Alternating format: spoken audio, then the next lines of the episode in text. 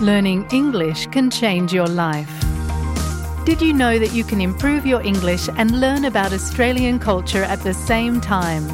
With the SBS Learn English podcast, you'll become more confident using Australian expressions in your everyday life.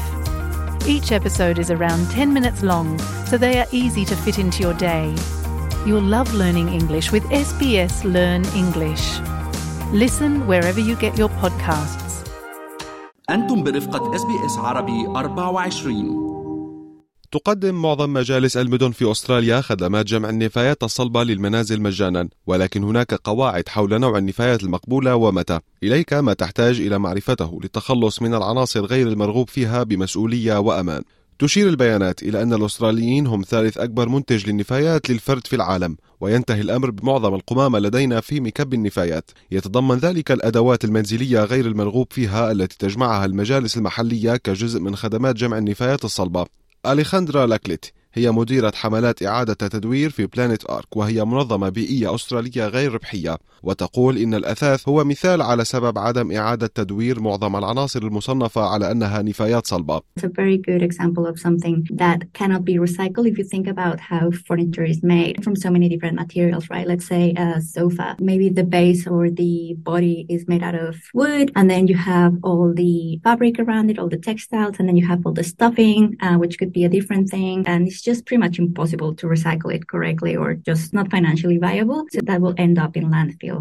يعد مجلس مدينة بلاك تاون بسيدني واحدا من بين العديد من المؤسسات في جميع أنحاء أستراليا التي تقدم خدمة جمع النفايات الصلبة للأدوات المنزلية التي لا يمكن إعادة استخدامها أو إعادة تدويرها ويستخدمون نظام حجز بدلا من يوم معين لتجميع النفايات على مستوى المنطقة ماريا هوندريجيانس هي مسؤولة المشاريع لعمليات النفايات في المجلس تشرح لنا كيف يعمل النظام We are an on-call service, so residents are required to give us a call or go online, and we will provide them with the next available booking date. There are some council areas that are rotational or on a schedule. We don't do that here. We give up to 12 cleanups a year in Blacktown City Council, and residents are required to make a booking for those collections.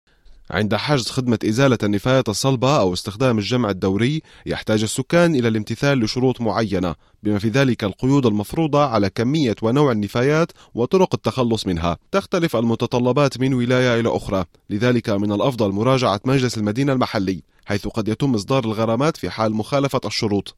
تسلط ماريا الضوء على إحدى القواعد الرئيسية التي تنطبق في بلاك تاون ومعظم المجالس The items cannot go on the nature strip until one day before the collection date. And this is to reduce things such as neighbours illegally dumping and non compliant materials being added to the collection as a result of the illegal dumping. In cases where there's non compliance, we try and always educate the residents first, get them to do the right thing and comply with our conditions. However, if this isn't the case, fines of up to $4,000 may apply. تختلف العناصر المقبولة للتجميع عبر المجالس يقدم عضو مجلس مدينة ميريبيك في ملبن مارك ريلي بعض الأمثلة على العناصر التي يتم التعامل معها بشكل عام على أنها نفايات صلبة The hard waste are things like household furniture, mattresses and the bases of mattresses, and also white goods. You know, from washing machines to dishwashers, fridges, freezers, and things like that, as well as carpet and the underlay of carpet, and finally scrap metal, timber, and sheet glass. من جهة أخرى لا يمكن التخلص من بعض العناصر كقمامة صلبة بما في ذلك مواد البناء The sort of things we don't collect would be construction materials, and that's an important one because a lot of people get it confused. So, if you're doing renovations or constructions in your house, you shouldn't be putting out all of those materials that you might be demolishing and pulling out. You have to dispose of those through a waste service. You can't put out chemicals, oils, poisons, or paints, and you can't put out tires or bean bags or polystyrene and things like that. فيكتوريا هي إحدى الولايات التي تحظر نقل النفايات الإلكترونية إلى مكب النفايات لأنها تحتوي على مواد خطرة هذا يعني أن المجالس المحلية في الولاية لن تقبل النفايات الإلكترونية عند جمع النفايات الصلبة الخاصة بها ما لم ينص على خلاف ذلك على موقعها على الإنترنت. يوضح مات جينيفر الرئيس التنفيذي المؤقت لشركة الاستدامة في فيكتوريا. E-waste, which is defined as anything with a plug or a battery or a power cord, it's not allowed to be sent to landfill. The same principle really really applies no matter where you are in Australia. You shouldn't be putting e waste in any of your bins in your house. So anything like TVs and batteries and hair dryers and fridges, they need to be disposed of at certain locations. ويقول السيد جينيفر إن محطات التحويل التابعة للمجلس هي أفضل الأماكن للبدء عند البحث عن المرافق التي تقبل النفايات الإلكترونية وتعيد تدويرها. If it's something smaller like a battery or a mobile phone, there are literally thousands of places around Australia that those things can be disposed of at. Supermarkets or Harvey Norman stores or Officeworks stores, those types of facilities often have a disposal point. لا يتم قبول أنواع الطلاء بشكل عام في مجموعات النفايات الصلبة يمكن التخلص من الطلاء غير المرغوب فيه وعبوات الطلاء من خلال خدمة بينت باك وهي خدمة مجانية على مستوى البلاد تجمع عبوات الطلاء غير المستخدم من المنازل وتحولها من مكبات النفايات والممرات المائية. تدير الولايات والأقاليم أيضا برامج مجانية للتخلص الآمن من الأدوات المنزلية السامة والتي تشمل المواد الكيميائية. يشرح السيد جينيفر لماذا يجب التخلص من هذه المنتجات بشكل منفصل ومسؤول. Chemicals like cleaners, bleach, even nail polish removal can be hazardous. Things like insect sprays, pesticides, any fuel, any gas canisters, they're all hazardous products and definitely shouldn't be put in your bin. And even more importantly, should be never tipped down your drain. They need to go to a special disposal point.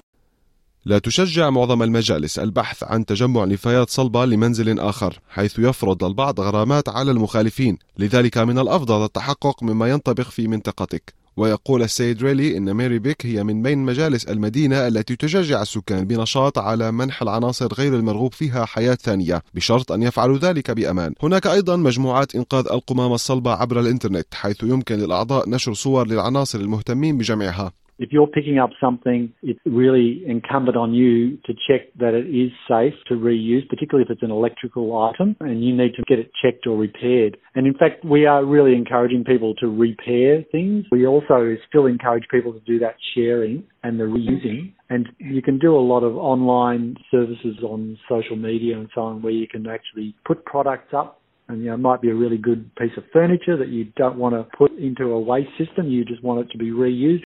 تقول أليخاندرا لاكليت من بلانيت آرك إن هناك العديد من الخيارات المختلفة لضمان عدم إهدارك للأغراض. You put stuff on Gumtree or on Facebook for free someone will pick it up. It really even helps you to take it out so that you don't have to do it yourself and put it on the curb. You can also sell it or you can donate them as well to charity shops. But just be mindful that whenever you donate something, it has to be in good resellable condition. Otherwise, it will end up in landfill and it's just going to cost those charities money. تحقق من المجلس المحلي الخاص بك للتعرف على طرق التخلص من النفايات الصلبة في منطقتك. يقدم موقع بلانت آرك إلكتروني recyclingnearyou.com.au أيضا معلومات قيمة remember that waste isn't waste until it's wasted. If you want to find different solutions for your items, go to recyclingnearyou.com.au and it will tell you all of the different options for things from mattresses, white goods, paints, batteries, etc. so that you can dispose of them responsibly.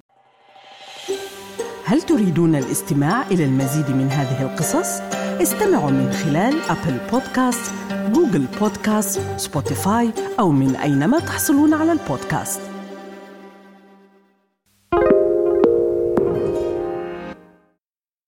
استمعوا الآن إلى الموسم الثاني من بودكاست أستراليا بالعربي. أحدث إصدارات SBS عربي 24 يأخذكم في رحلة استقرار بعض المهاجرين العرب ويشارككم بأبرز الصدمات الثقافية التي تواجههم عند وصولهم إلى أستراليا.